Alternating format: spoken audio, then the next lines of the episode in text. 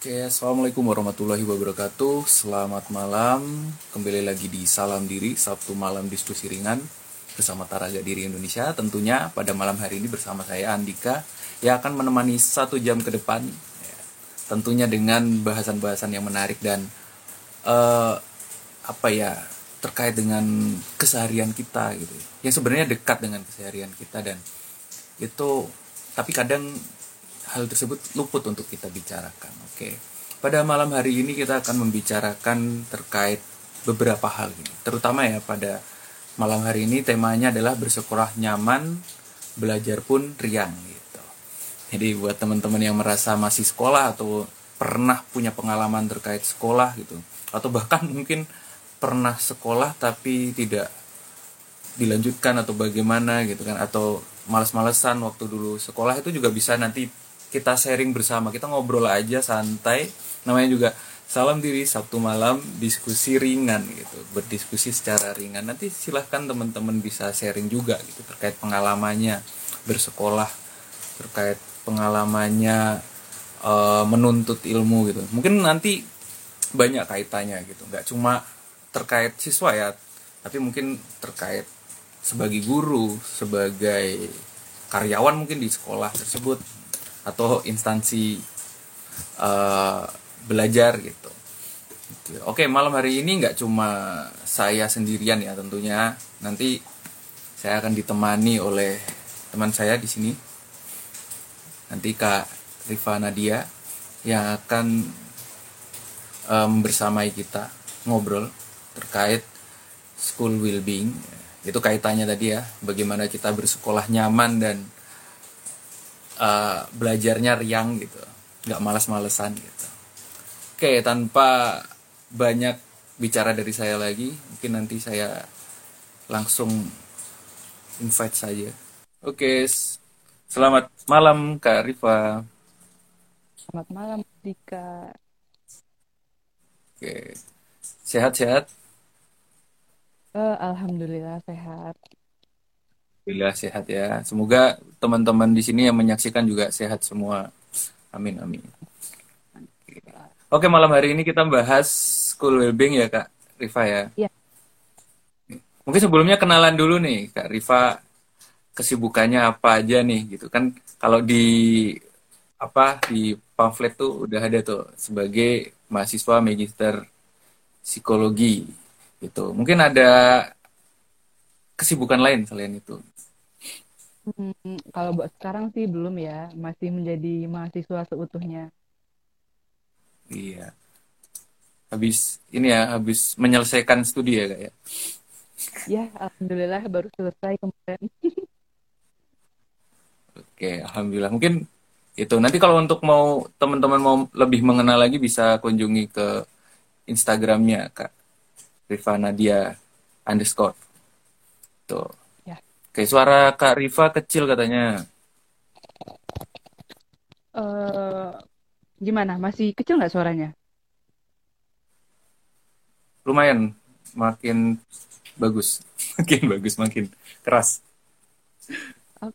Okay. Coba lagi, coba lagi. Mari kita coba. Ya, masih kecil suaranya? Oke, udah. Mantap. Oke, okay, siap. Oke, sebelumnya selamat malam buat teman-teman yang baru bergabung. Mari malam hari ini kita akan membahas terkait bersekolah nyaman, belajar pun riang gitu. Jadi buat teman-teman yang punya pengalaman sekolah atau sekarang sedang bekerja atau sekolah di sekolahan bersekolah itu silahkan bersharing ria bersama kita malam hari ini. Oke, kita masuk aja ya kak ya ke intinya inti gitu dari pembahasan malam hari ini. Oke, uh, sebelumnya mungkin ada apa ya apa ya namanya pembuka gitu dari Kak Riva gitu terkait bahasan kita malam hari ini apa sih yang dimaksud atau mungkin pengantar dari school wellbeing itu apa sih gitu? Um, ya, uh, kita tahu ya school wellbeing ini sebenarnya adalah bagian dari wellbeing. Kayaknya minggu kemarin deh uh, bahas hmm. tentang subjective well-being.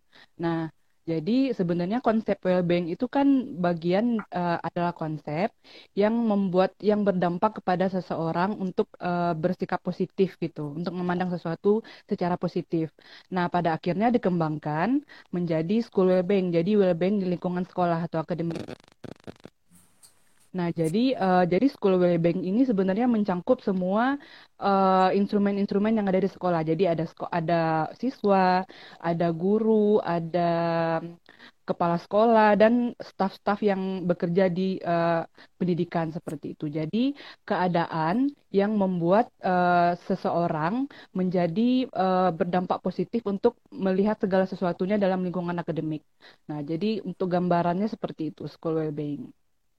Berarti ini nggak menyangkut siswa aja ya, berarti semuanya yang ada di sekolahan itu ya ikut ya.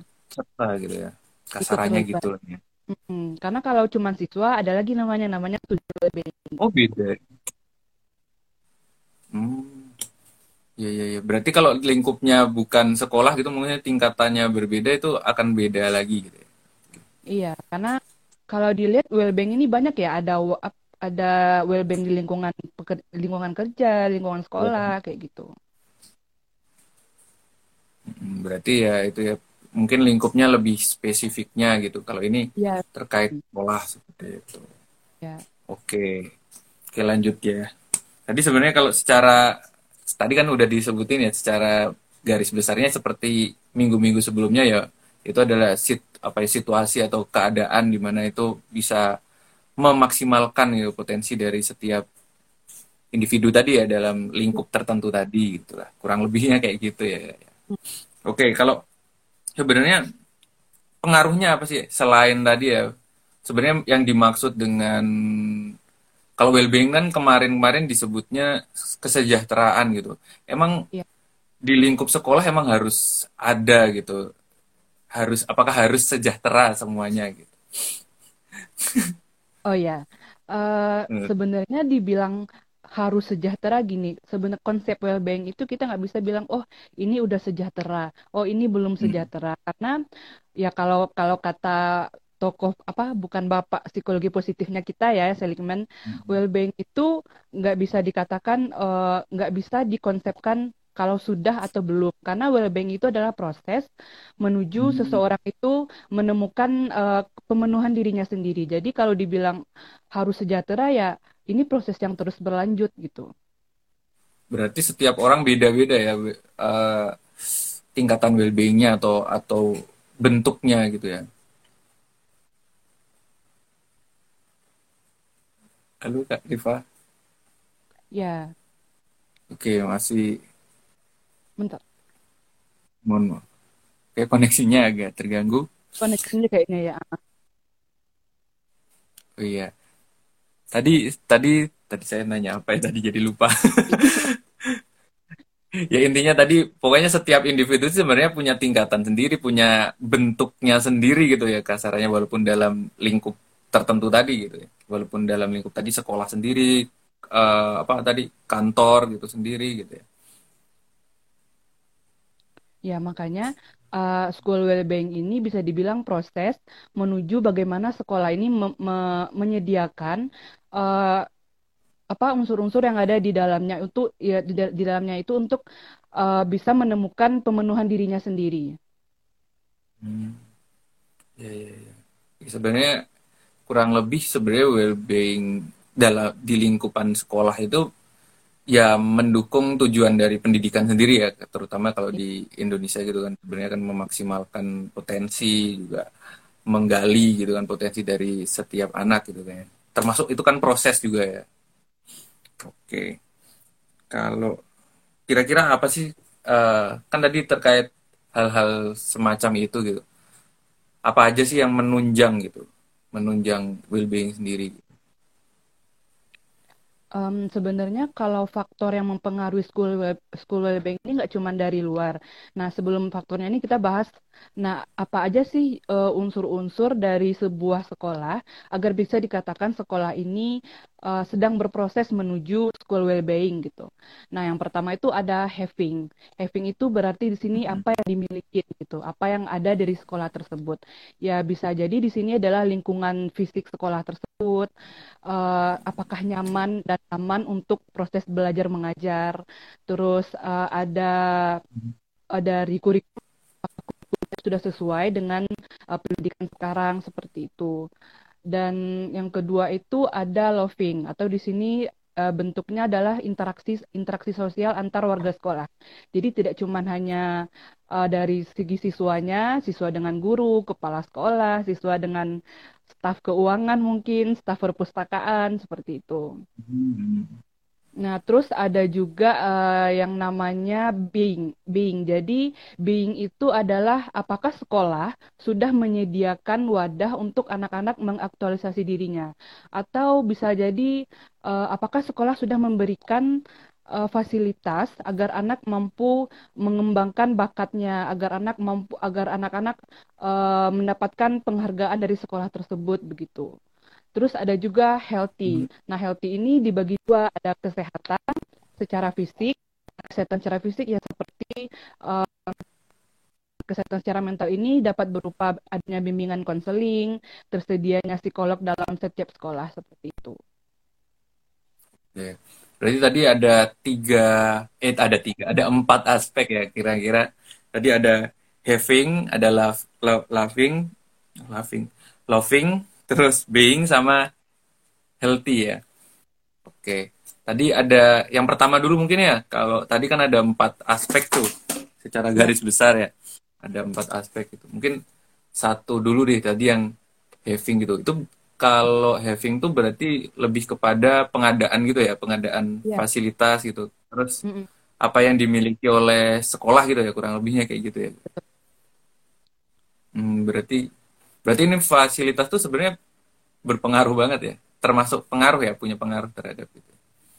Iya, uh, jadi fasilitas ini juga tergantung uh, kondisi sekolah saat itu. Kayak sekarang deh, uh, mungkin kalau misalnya pembelajaran secara biasa, tatap muka, ya fasilitas yang diperlukan kursi, meja yang mendukung anak-anak belajar dengan nyaman, terus bagaimana hmm. ekstrakurikuler di sekolah. Nah, kalau sekarang bisa jadi fasilitas yang diberikan sekolah tuh berbentuk paket data, misalnya kayak gitu, uh, materi-materi dalam bentuk PDF. Karena sekarang kan anak-anak nggak bisa ya minjem buku secara langsung. Tadi berarti itu ya kalau sebenarnya fasilitas ya tentu sangat mempengaruhi ya terkait uh, menunjang lah ya kasarannya dalam proses tadi ya pemenuhan dari yeah. well-being dari ya bagian termasuk guru termasuk karyawan terutama siswanya tadi gitu kan dalam belajar oke tapi tadi menarik juga yang aspek yang kedua tadi ya ada loving kalau yeah. loving kan berarti love gitu kan dari cinta gitu. nah ini nih apa nih kaitannya nih uh, ini lebih kepada interaksi siswa eh, interaksi antar semua uh, warga sekolah. Jadi interaksi guru dengan siswa, hmm. interaksi siswa dengan siswa, kepala sekolah dengan siswa, atau baik staf pekerja yang ada di sekolah tersebut gitu. Kayak contohnya aja deh misalnya uh, ketika guru tidak terlibat secara emosional dalam mengajar dalam proses belajar mengajar, otomatis siswanya juga kayak hmm. ya udahlah sekedar belajar gitu. Tidak ada peningkatan motivasi. Hmm, tidak berarti ada terkait hmm. Berarti terkait hubungan sosial antar ya. apa itu antar antar warga sekolah. Personelnya. antar warga sekolah ya. Gitu ya kurang lebih ya. ya. Hmm, itu bentuknya apa pun gitu ya. Interaksi apa pun gitu atau. Ya bisa bisa bentuk komunikasi, bisa bentuk kedekatan seperti itu. Komunikasi yang kalau, baik sih. Hmm, kalau bullying itu termasuk Nah, ya bullying itu masuk ke dalam si aspek yang ini, si loving yang ini. Oh, oh Jadi oh termasuk juga ya? Iya, bullying itu kan sebenarnya tidak hanya kalau di school well-being kita bahasnya nggak cuma sekedar antara siswa dengan siswa, tetapi juga antar uh, guru dengan siswa. Karena uh, secara tidak langsung Hmm. kadang guru-guru ini apa ya tidak uh, menerima perbedaan antar siswa. Karena kalau kita lihat lagi konsep Hmm. well-being itu uh, adalah memberi ruang terhadap. Jadi mem- ruang terhadap perbedaan, bukan malah menimbulkan uh, penyeragaman kayak gitu. Hmm, ya, ya, ya, ya. Iya, ya, ker- kerap banget itu kalau di kelas contoh ada yang berbeda sendiri terus agak di agak disingkirkan atau gimana Nah, gitu ya. iya, Oh, berarti tuh bullying tuh nggak cuma siswa antar siswa aja ya, tapi ternyata dari kadang tidak disadari bahwasanya itu juga bullying juga ya kalau dari guru ke siswa gitu atau iya, bagian-bagian lain. Hmm. Berarti sebenarnya kalau well-being ini bisa tercipta kalau seandainya termasuk tadi ya bentuk-bentuk bullying itu apa interaksi yang baik itu bisa ter, ter apa ya terjalin gitu ya, bukan situasi-situasi yang tadi yang kayak negatifnya kayak bullying tadi ya. iya. Hmm. Intinya kalau di sini uh, well-being lebih ditekankan menerima perbedaan seperti itu, kayak memberi ruang Hmm. perbedaan antar warga sekolah. Jadi ketika kita sudah menerima perbedaan, akan ada saling menghargai, akan ada namanya empati kayak gitu. Jadi unsur emosional lebih ditekankan dalam aspek ini. Jadi, tadi ya, pokoknya intinya eh, kualitas apa hubungan sosial yang baik lah antar anggota anggota masyarakat masyarakat sekolah tadi. Iya. Oke oke. Tadi apa yang lanjutnya being. Mm-mm. Kalau being nah ini kan kalau being agak mirip sama yang sebelumnya nih apa atau berbeda sebenarnya? Uh, sebenarnya being ini kalau yang tadi itu hubungan ya, ada timbal balik. Nah, kalau being ini lebih kepada uh, penyediaan dari sekolahnya untuk membuat siswa ini lebih merasa dihargain, lebih merasa dia mampu uh, mengembangkan bakatnya, mengembangkan kreativitasnya, seperti itu. Sekolah menyediakan fasilitas ini enggak? Hmm. Oh Jadi berarti uh, ini apa dari sekolah dari ya, instansi ke dari sekolah. gitu. Iya, Oh gitu. Berarti intinya kayak ya nggak cuma kayak yang kalau tadi kan ada yang kayak yang having tuh tadi kan Hmm. menyediakan tersedianya fasilitas. Kalau dengan yang ini tuh lebih kepada apa ya personalnya gitu atau atau bagaimana? iya. Kalau kalau being ini lebih kepada memberikan kesempatan kepada siswanya. Hmm, tempatannya kayak menyediakan ekskul gitu ya. Ya, benar. Menyediakan ekskul yang berbeda. Kadang kadang ada beberapa sekolah yang hanya menyediakan uh, ekstrakurikuler yang memang kayak dipersiapkan untuk olimpiade. Jadi anak-anak yang merasa, Oh, iya. aduh saya kayaknya nggak nggak uh, nggak bisa olimpiade, jadi nggak usah masuk ekstrakurikuler lah, nggak ada yang sesuai dengan aku gitu. Hmm. Iya iya iya iya, bener banget tuh. Berarti intinya tuh kayak tadi ya memberikan kesempatan ke semuanya gitu. Walaupun Mm-mm. yang namanya sekolah ya harusnya walaupun namanya belum ahli ya itu makanya diajarkan gitu. Bukan malah yang udah Yang ahli-ahli udah gitu. ahli. Tapi oh iya, oh iya. ya ya ya ya. Tapi kan kalau ada yang ada punya minat itu juga boleh gitu kan. Intinya kesempatan itu dibuka gitu untuk semua. gitu. Iya. Hmm, ya ya ya ya. Oke, sebelumnya nih kan ada yang baru gabung, jangan lupa tadi silahkan kalau ingin bertanya atau berdiskusi bersama kita bisa langsung dituliskan di kolom komentar gitu aja. Kita bebas bercengkrama, ber apa ya bersuka cita dalam belajar bersama gitu. Jadi buat teman-teman yang baru bergabung silahkan.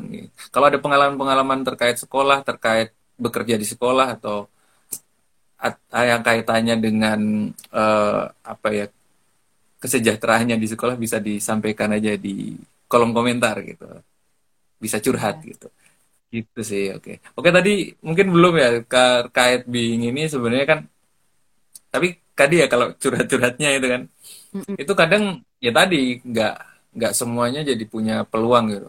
Kadang tuh ada anak yang ngerasa aku tuh nggak punya bakat di situ, masa aku ikut apa di kegiatan itu gitu contoh atau di ekskul itu gitu nah hal kayak gitu tuh berarti sekolah belum bisa mewadai ya? Atau atau belum bisa apa ya memberikan peluang gitu ruang untuk untuk untuk bisa berproses eh, well-beingnya ber, ber well-being apa sih? Sebenarnya ini tuh bisa nyambung ke yang ke ada tadi penyediaan konseling ya untuk healthy. Nah, uh, biasanya kalau iya, iya, iya. sekolah-sekolah yang memang sedang berproses menuju school school being, mereka menyediakan uh, bimbingan konseling yang uh, memang sudah ada ahlinya di sana dengan psikolog. Jadi uh, untuk anak-anak yang memang kurang dari segi kognitif, mereka akan diberikan wadah, mereka lebihnya ke mana gitu. Jadi memberikan kesempatan kepada anak-anak yang merasa uh, dari segi kognitifnya mereka kurang. Nah, mungkin mereka lebih kepada seni hmm. Seperti itu. Oh, seperti itu ya. Berarti sebenarnya ya, ya tadi ya peluangnya ya. Hmm. Oke. Ini ada yang sharing nih. Sering banget nih Kak nemu anak yang gak nyaman di sekolah karena ngerasa gak cocok sama teman-temannya. Oh ya. Jadi sekolah, bersekolah terus ngerasa gak nyocok, terus dia mungkin gak nyaman gitu. Iya. Terus terus menarik Sebenarnya, diri dari uh, sosial gitu. Kayaknya kayaknya nggak adil deh ya kalau kita bahas well-being cuman dari segi eksternalnya aja yang mempengaruhi. Sebenarnya school well-being ini tuh ada dua yang mempengaruhi hmm. secara besar. Ada hmm. faktor eksternal yang itu udah kita bahas tadi yang kayak lingkungan sekolah, guru. Nah, yang kedua ada faktor internal. Faktor internal itu lebih kepada modal personalnya dia. Jadi bagaimana uh, personal si orang ini, kepribadian si orang ini juga akan mempengaruhi dia dalam uh, menuju school well-being ini seperti itu. Kayak misalnya bagaimana empati dia, bagaimana kemampuan dia menyesuaikan diri di lingkungan, kayak gitu. Nah, mungkin Berarti... kalau ya gimana? Intinya sebenarnya well-being itu ya tanggung jawab pribadi juga harus ada gitu ya. Iya benar. Gak bisa nggak bisa secara apa yang melihat di eksternalnya aja gitu. Tapi juga pribadinya juga harus punya modal ya kasarannya seperti iya, itu. Untuk tercapainya well-being. Oke. Oh ya kurang lebih gitu ya, ya. Hmm. terus tadi ini kan tadi udah being terus yang terakhir healthy.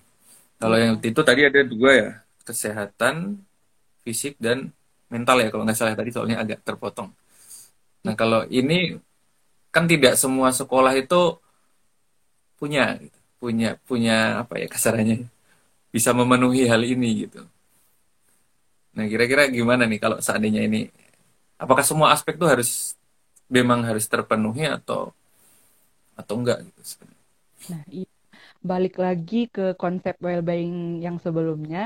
Uh, hmm nggak bisa dikatakan juga semuanya harus terpenuhi. Jadi kalau hmm. misalnya kita sedang menuju kepada school school well-being, kita juga harus eh, mengidentifikasi apa sih yang belum dari dari sekolah ini gitu, apa aspek yang belum terpenuhi.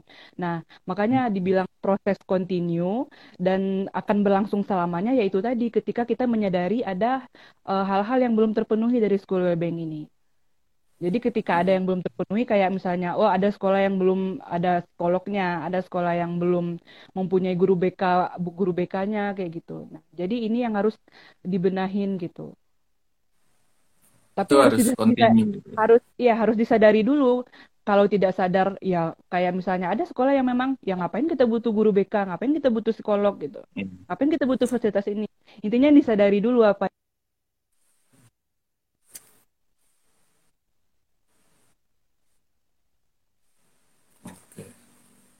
Soalnya kalau saya sendiri dulu waktu SD itu nggak ada guru BK, UKS nggak ada juga gitu, apalagi psikolog. gitu.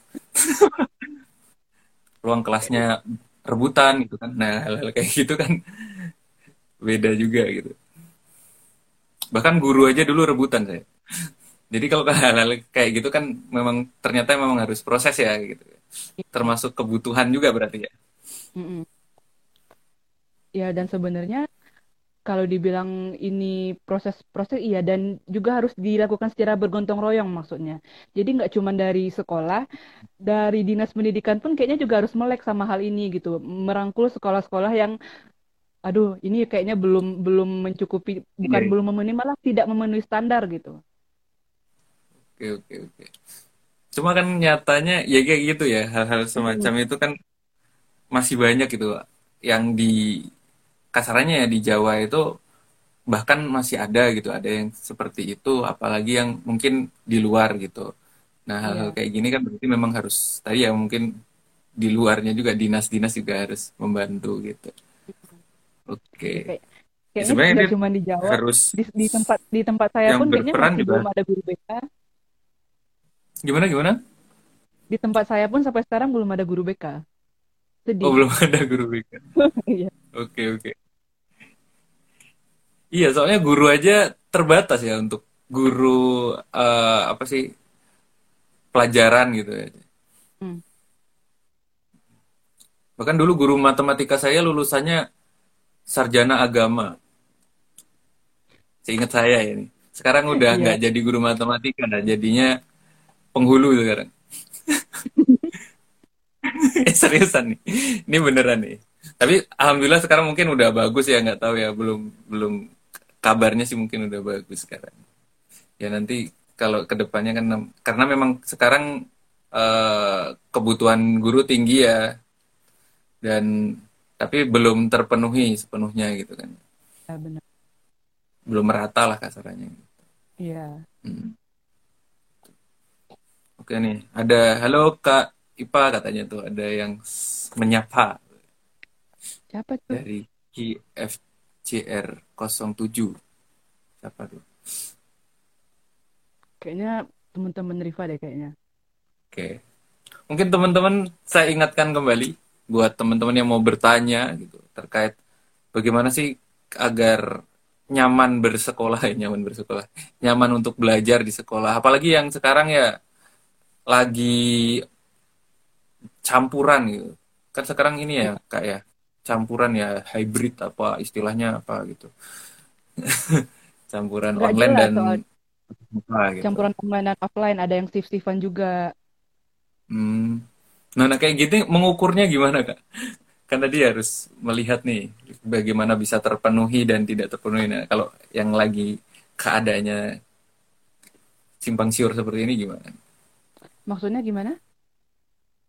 Kan tadi kalau kita kan dalam sekolah nih, terutama ya guru kan pengen pendi, eh, pendidikan, eh, proses belajarnya itu bisa maksimal juga gitu kan. Kalau tadi kan dilihat dari skala well, skala well-being, dari eh, aspek-aspek well-being tadi, bagaimana agar eh, proses itu bisa maksimal kan harus eh, dievaluasi juga kan. Nah, kalau dalam keadaan yang seperti ini, yang simpang siur seperti ini, kira-kira apakah hal tersebut juga bisa diusahakan? Ya, kalau sebenarnya kekurangannya di sana ya. Em, Hmm.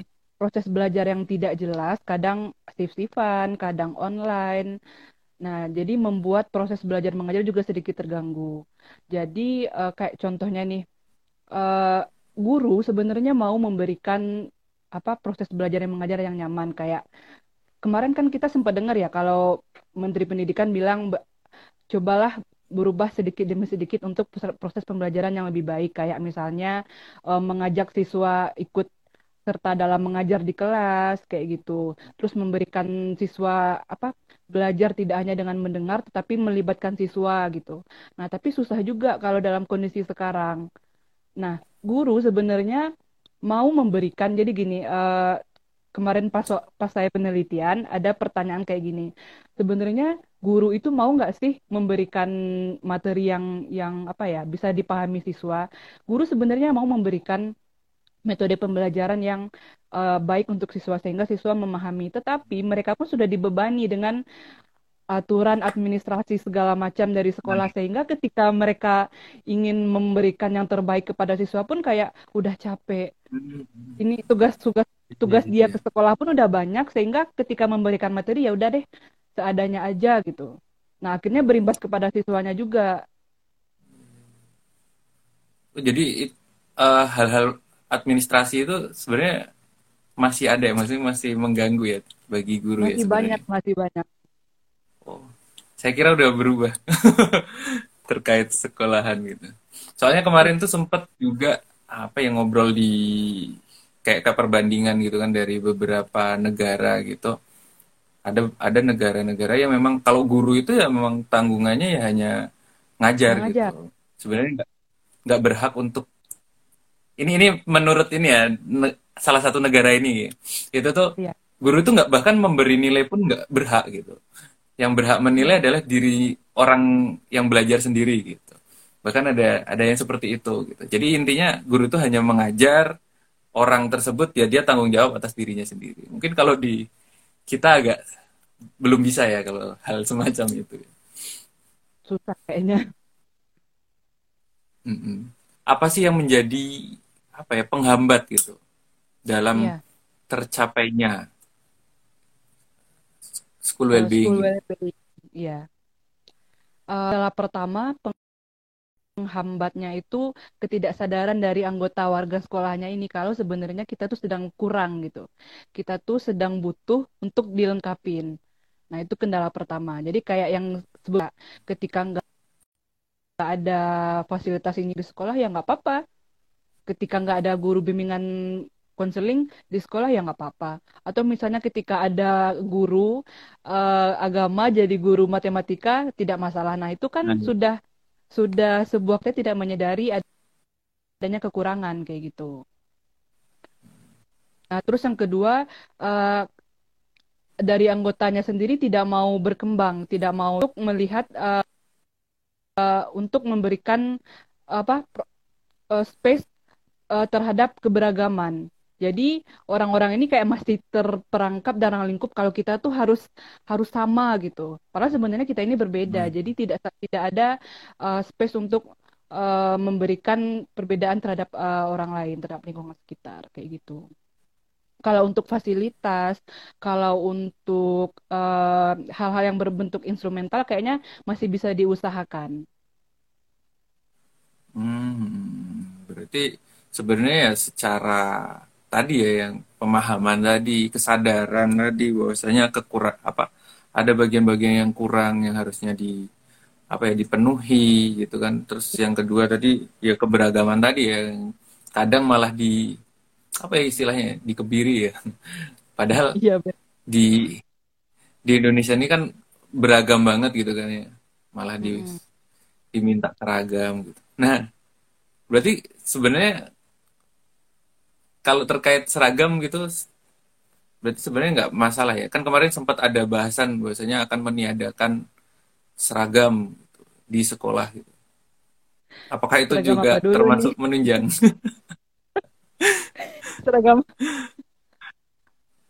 Seragam sekolah. Bukan dong. Keseragaman maksudnya? Enggak enggak kali aja berangkat sekolah sekarang pakai pakaian adat masing-masing gitu kan seru tuh wah, bukannya malah tambah bikin ribet ya. Masa saya harus ke sekolah pakai suntiang? susah ya nunduknya ya. Heeh. nggak belajar enggak leher sakit kenapa tiba-tiba sakit. Oke oke berarti tadi ya dua dua hal ini. Ini mungkin buat teman-teman yang ada di sekolah atau sebagai guru, sebagai siswa bisa lah jadi refleksi bersama bahwasanya ya harus sadar gitu, harus diakui juga gitu bahwasanya ya sekolah itu ya tadi harus tahu bahwasanya ini kurang nih. Masa guru Hmm. olahraga jadi guru apa gitu kan. Jadi ya, Iya, oh iya. Iya, sebenarnya itu kasus kayak gitu banyak banget gitu, Kak Rifa. Soalnya, apalagi dulu termasuk saudara saya itu ada yang dia ngerangkap guru, kan dia apa beliau ini guru sekolah gitu, sekolah menengah. Itu tuh ngerangkap guru bahasa Indonesia, guru TIK ya dulu ada guru TIK terus sama guru apa lagi gitu banyak banget, banyak banget. Padahal itu kan harus butuh keahlian banget gitu kan. spesifik banget. Ya Iya juga sih sama ada be ada beberapa juga guru atau pengajar yang merangkap malah jadi staf jadinya dia nggak fokus ngajar nggak fokus uh, melayani juga gitu. Iya iya bener bener bener. Atau stafnya atau malah ini kak di beberapa daerah itu malah yang gurunya nggak datang datang gitu datangnya kalau lagi nggak musim hujan tuh ada kalau musim hujan nggak datang gitu Iya. ada musiman gitu Nah, kan sedih kalau kayak gitu. Jadinya anak-anak nggak dapat apa-apa, habis itu pelayanannya juga tidak maksimal. Karena ya kekurangan nah, kekurangan SDM-nya ini gitu. nah itu tuh iya ya soalnya juga banyak yang lulusan pendidikan tapi nggak jadi guru Jadi apa? ya pilihan sih nggak masalah Masalah sih oke sebenarnya. buat teman hmm. iya masalah sih tadi masalah besar ya iya sih malah malah yang nggak lulusan pendidikan malah banyak yang malah yang jadi guru gitu Iya. kayak tadi guru saya penghulu jadi guru gitu Ya, itu itu bingung juga sih confusion itu oke oke oke apalagi nih ya Iya, kalau tadi ya sebenarnya sama ya kalau di lingkupnya pelosok gitu. Ini tadi ada titipan gitu. Kalau di pelosok itu kan nggak bisa memenuhi, belum bisa memenuhi kebutuhan kayak gitu. Kadang malah ada sekolahnya kalau lagi ada KKN, kalau lagi ada apa itu, lagi ada relawan doang gitu kan. Nah, hal kayak gitu kan agaknya susah gitu ya. Tadi Iya. udah dijawab sih sebenarnya dari Riva gitu kan tadi bahwasanya ya emang itu harus jadi tanggung jawab bersama gitu nggak cuma sekolahnya tapi ada pemdanya atau di apa ya bahkan ke kem- sampai kementerian pendidikannya gitu di tingkat negara seperti itu ya oke. Ya, ibaratnya pemenuhan well-being ini adalah proses gotong royong bareng-bareng gitu, biar ini tuh terbentuk. Jadi proses gotong Hmm, royong, proses yang berkelanjutan kayak gitu. oke itu ya. Oke buat teman-teman yang mungkin eh, ingin bertanya atau ingin menyanggah gitu wah kalau menurutku sih sekolahku nggak apa-apa gitu. Nggak ada gurunya. Kita saling mengajar satu sama lain antar siswa gitu oh saya belajarnya sama guru Google gitu. Jadi udah dari Google gurunya dari Google juga gitu. Belajar sendiri-sendiri karena nggak ada gurunya gitu. Atau bagaimana mungkin bisa disambungin. Oh ternyata zaman sekarang apa ya mungkin hal-hal kayak gitu nggak dibutuhkan lagi. Kita nggak butuh sekolah. Mungkin mungkin kayak ada yang merasa seperti itu gitu. Mungkin bisa disampaikan Tapi oke sebenarnya ini kayak mau curhat aja ya. Kita kan eh, Mm-mm. mahasiswa. Nah, selama ini kita tahu kayak udah banyak gitu penelitian tentang siswa, tentang guru, tentang kepemimpinan, kepala sekolah kayak gitu kan. Banyak banget bisa dibilang malah skripsi, tesis tuh kayak dibuang gitu karena semakin banyaknya. Nah, tapi pernah nggak sih em, ada sekolah yang benar-benar menjadikan penelitian mahasiswa sebagai wadah mereka buat evaluasi gitu? Kayak misalnya ada penelitian tentang motivasi berprestasi atau penelitian tentang eh, kecemasan kecemasan siswa menghadapi ujian kayak gitu atau agresivitas siswa. Nah, sebenarnya kalau sis kalau sekolah yang mau berbenah, kalau sekolah yang memang eh, aware ya terhadap kondisi emosional atau kondisi sekolah kondisi siswanya, mereka bisa menjadikan itu sebagai tolak ukur keadaan siswanya saat ini. Jadi kayak eh, Mas Dika misalnya atau contohnya penelitian Mas Dika deh tentang kinerja guru. Nah, sekolah kan bisa menjadikan itu tolak ukur bahwa oh sekarang kinerja guru di sekolah ini sedang menurun ya. Nah, apa penyebabnya? Dan itu bisa dijadiin follow up dari sekolahnya sendiri buat eh, bagaimana selanjutnya meningkatkan kinerja guru. Begitu juga dengan siswa-siswa. Tapi kayaknya belum ada ya sekolah yang benar-benar konsen dengan permasalahan itu. Jadi jadi kayak ketika ada yang penelitian ya udah eh, nanti kalau sudah penelitian eh, skripsinya kasih ke sekolah ya Mbak gitu. Tapi nggak dibaca. oke mungkin bukan nggak dibaca belum relate nggak juga dong Kalau belum belum relate bisa nggak ter mungkin kita penelitian di sana. nggak mungkin juga sih Ya, belum bisa terlaksana Ya, Belum relate dengan dana sekolah mungkin. Tapi kan kalau misalnya cuman sekedar melihat kayak kan dari dari penelitian itu cuman kita dapat gambaran kan. Kalau misalnya oh sekarang anak-anak kelas 3 Hmm. motivasi belajarnya lagi menurun gitu. Nah, itu kan bisa jadi bahan acuan buat sekolah bikin apa gitu buat anak-anaknya Hmm. lebih eh, termotivasi atau lebih semangat gitu. Yang nggak harus follow up dalam bentuk apa eh, pelatihan atau apa yang dananya banyak, nggak juga. Cuman lebih kepada gambaran untuk evaluasi aja gitu. Oh, iya, iya. Mungkin karena tadi ya kalau nyambung mungkin kalau menerka-nerka gitu. Termasuk tadi ya masalahnya itu karena mungkin terlalu banyak gitu kan. Terlalu banyak masalah tapi terlalu sedikit SDM yang mumpuni gitu. Iya, Mungkin salah betul. satunya itu.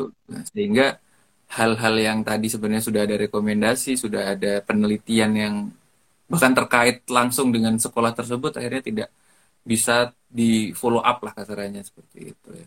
Ya sebenarnya harusnya bisa ya dari kayak gitu jadi guru pun atau kepala sekolah termasuk ya itu harusnya dengan adanya penelitian dengan adanya apa ya hasil riset tadi itu bisa terbantu ya nggak pusing-pusing Iya, rapat tuh harusnya bisa terbantu termasuk ya atau rapat setiap bulannya atau setiap minggunya itu bisa terbantu dengan hasil riset tersebut gitu.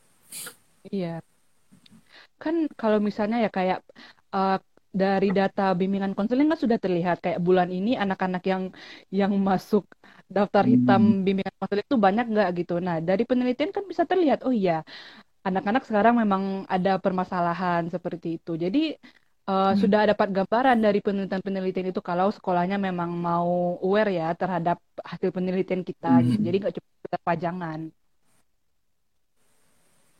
Oke. Ini ada pertanyaan Kak dari Kak Visa Amanah.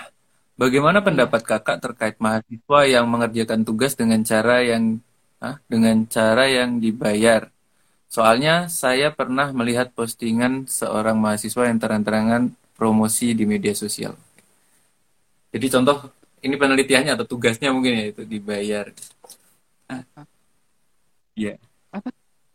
Mungkin terus jadi kurang ya tadi mungkin kalau disebut kurang apa kurang nyambung dengan lapangan mungkin karena hal-hal semacam ini. Hmm. Oh, jadi maksudnya gimana pendapat kita tentang eh, mahasiswa yang bikin tugas atau penelitian yang dibayar gitu? Mungkin juga siswa juga kan sekarang ada tuh yang di Twitter tuh yang bisnis-bisnis ngerjain tugas gitu Iya. Ada tuh. Bisnis jasa ketik, bisnis bikin Oke. latihan. Iya, ya kalau kalau dari siswa ya, karena kemarin sempat wawancara juga, kalau siswa ini karena mereka kurang waktu. Jadi ada pembatasan waktu dari sekolah dan dan untuk eh, intensitas Hmm. tugasnya itu kebanyakan gitu bagi mereka. Jadi waktu yang mereka punya untuk mengerjakan tugas dengan banyaknya tugas itu terla apa nggak nggak sinkron. Jadi pada akhirnya ya milih joki-joki kayak gitu. Kalau buat mahasiswa, Hmm. menurut saya kan gini, em, untuk tesis ataupun skripsi kita punya waktu tersendiri untuk mengerjakannya dan itu nggak nggak berbarengan dengan mata kuliah lain kan ya. Ya itu Hmm. satu semester sendiri gitu. Nah, eh, itu lebih ke personal lebih ke personal sih. Jadi kan tadi ada faktor eksternal dan internal ya. Jadi lebih ke internalnya Hmm. sendiri. Dia mau berjuang nggak? Dia dia mau berjuang nggak buat si skripsi ini buat satu semester doang gitu. Ya kalau memang daya juangnya rendah ya itu tadi terjadilah perjokian tesis, perjokian skripsi gitu. Kalau memang Hmm. kalau memang dasar personalnya dia sudah kuat, ya mau mau dia kerja sekalipun, mau dia ada kuliah full sekalipun ya nggak masalah kalau mau ngerjain tesis atau skripsi gitu. Ini balik lagi ke personal orangnya. Jadi kayaknya kurang ada hubungan deh Hmm. sama sama kamu gitu. Mungkin kalau tadi balik ke yang siswa tadi ya, Kak, sempat disebut tadi waktunya terbatas gitu ya. Iya. Berarti sebenarnya itu nyambungnya ke mana nih? Aspek yang mana tuh Kak? Kalau Oh, mereka berhubungan. kalau Jadi gini, eh, ketika guru sudah tidak tahu lagi memberikan metode kepada siswa dalam mengajar, udah kasih tugas. Jadi uh, hari ini sibuk gitu, akhirnya ngasih tugas. Harusnya yang dia menjelaskan, harusnya yang memberikan materi, akhirnya ngasih tugas. Nah, begitu hmm. akhirnya numpuk mata kuliah ini dikasih tugas, mata kuliah ini dikasih tugas, mata kuliah ini dikasih tugas. Semua pada hari itu mereka pernah bilang full kak pada hari itu dikasih tugas gitu. Dan akhirnya mereka bingung sendiri hmm. mau ngerjain yang mana. Besok harus dikumpul gitu. Berarti masalahnya ya tadi ya mungkin bisa jadi gurunya kurang apa ya menguasai media pembelajaran atau kurang ya. punya kasarannya ya kurang adaptasi kurang apa ya kayak kayak kreativitas gitu untuk cara mengajar yang efektif apalagi yang tadi ya, ya dalam daring gitu kan eh da, ya. ya dalam daring atau yang campuran seperti apa gitu kan mungkin itu ya berarti ya sebenarnya itu tanggung jawabnya nggak cuma personal gurunya aja ya kalau sudah iya. lingkupnya Jadi sekolahnya juga. menyeluruh gitu ya besar ya. Sebenarnya Pemda juga mungkin kalau bisa. kalau kalau kita mau kalau kita mau berbenah sekolah itu juga harus melihat ini guru jadi permasalahannya kemarin seperti ini dari dari tempat penelitian saya ya um, untuk guru-guru yang masih muda ya mereka mau maulah bikin materi yang yang menarik kayak gitu nggak cuma sekedar ngasih tugas hmm. nah kesulitannya di guru-guru yang sudah berumur mereka mau hmm. mau pakai aplikasi ini juga susah gitu mereka mau menjelaskan iya. kadang hmm. tidak sudah tidak ada tenaga akhirnya memberikan tugas nah kayak gitu sebenarnya sudah dilempar ada, ke guru yang uh, ya biasanya dilempar kepada guru yang lebih muda gitu hmm. hmm. Iya. Oke. Tapi itu kan jadi tadi ya terganggu juga ya terkait hubungan tadi ya, terkait lovi, terkait loving gitu, terkait iya. hubungan ya. sosialnya antar guru kalau tak seandainya malah mengganggu tanggung jawab ataupun hak antar sesama uh, apa ya masyarakat tadi masyarakat sekolah tadi. Ya jadinya proses mengajar proses belajar mengajar sekarang ya sekedar apa ya ibaratnya ya udah ngasih materi hmm. tapi tidak ada lagi kelekatan tidak ada lagi attachment antara guru dan oh, siswanya hmm. gitu. Oke oke nih. Oke terima kasih kakak. Gitu dari kak bisa mana tadi. Oke. Terima kasih bisa oke, oke mungkin ini uh, terakhir kak ya karena ternyata waktunya sudah uh, mentok ya sudah harus waktu yang memisahkan kita gitu. Jadi mungkin ada apa ya? Mungkin closing statement gitu dari Kak Rifa. Atau mungkin pesan-pesan atau quote untuk teman-teman pembelajar. uh, closing statementnya apa ya? Um, ya terkait school well-being tadi, uh, sebenarnya hmm. ini adalah proses atau yang proses yang bisa kita timbulkan sendiri karena ada aspek internal di dalamnya. Jadi kita sendiri juga bisa menimbulkan lahirnya school well-being ini dengan mungkin meningkatkan kemampuan kita, dengan meningkatkan uh, pribadi yang lebih dalam memandang sesuatu secara positif seperti itu. Nah, dan kita pun perlu menyadari setiap kekurangan atau uh, hal-hal uh, yang kita rasa oh ini sudah tidak sesuai uh, apa tidak sudah tidak sesuai standar lagi kayak gitu. Dan ini harus diperbaiki. Nah kita pun harus segera menyadari kekurangan-kekurangan kita dalam proses pembelajaran. Nah dan kita juga jangan lupa bahwa uh, proses menuju well-being ini adalah uh, proses secara terus-menerus jadi jangan berhenti oh kalau misalnya ngerasa ini udah pas nih belum karena well-being akan terus-menerus sampai kita uh, ya sampai mati lah ibaratnya. Jadi proses menemukan uh, untuk pemenuhan diri untuk uh, pemenuhan diri kita sendiri dan orang-orang uh, di sekitar kita gitu. Itu ya. Jadi intinya sebenarnya tadi ya.